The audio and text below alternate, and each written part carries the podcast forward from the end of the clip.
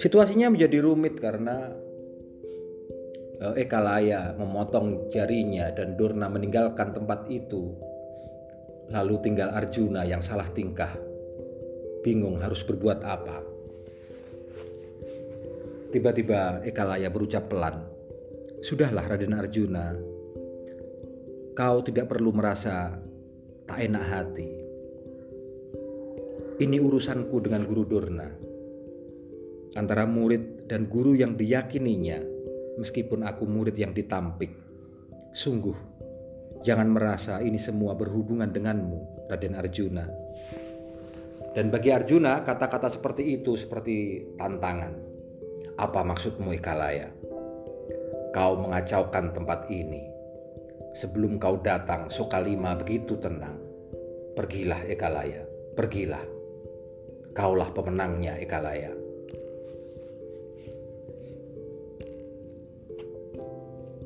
Ekalaya menjawab masih dengan suara yang amat pelan.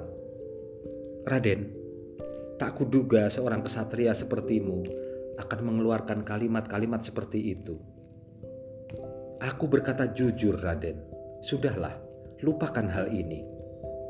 Marilah kita kembali ke busur-busur panah kita. Bukankah kita bermain bersama tadi dan sempat terhenti. Kenapa tidak kita lanjutkan saja, Raden? Betapa kalutnya Arjuna.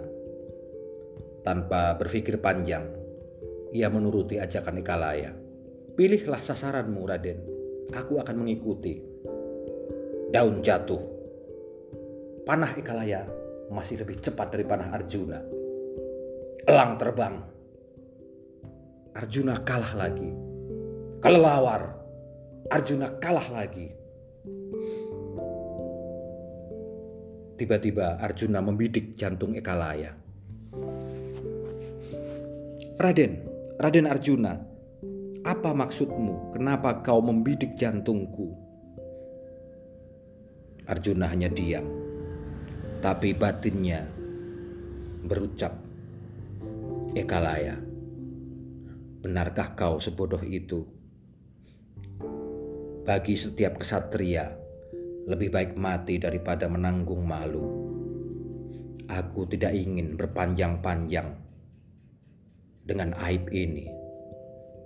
Panahmu selalu lebih cepat dari panahku, maka ku bidik jantungmu. Aku ingin tahu apakah kini panahmu masih juga lebih cepat dari panahku. Secepat kilat Arjuna melepaskan anak panahnya tapi di luar dugaannya, Ekalaya hanya diam mematung. Jantungnya tertembus panah Arjuna. Betapa malunya Arjuna. Harga dirinya dibanting-banting sedemikian rupa. Ekalaya, manusia macam apa kau ini?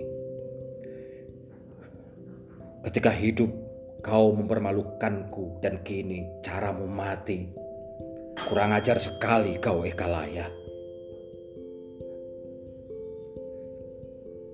Belum pulih perasaan Arjuna, tiba-tiba seorang perempuan cantik yang lalu diketahuinya sebagai istri Ekalaya, Anggra ini mendatangi dan menangisi jasad suaminya. Kesatria macam apa kau, Raden Arjuna? Bahkan matamu pun tidak cukup awas untuk melihat budi seseorang. Arjuna diam.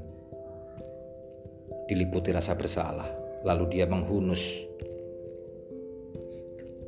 keris dari sarungnya menyerahkannya pada Anggra ini.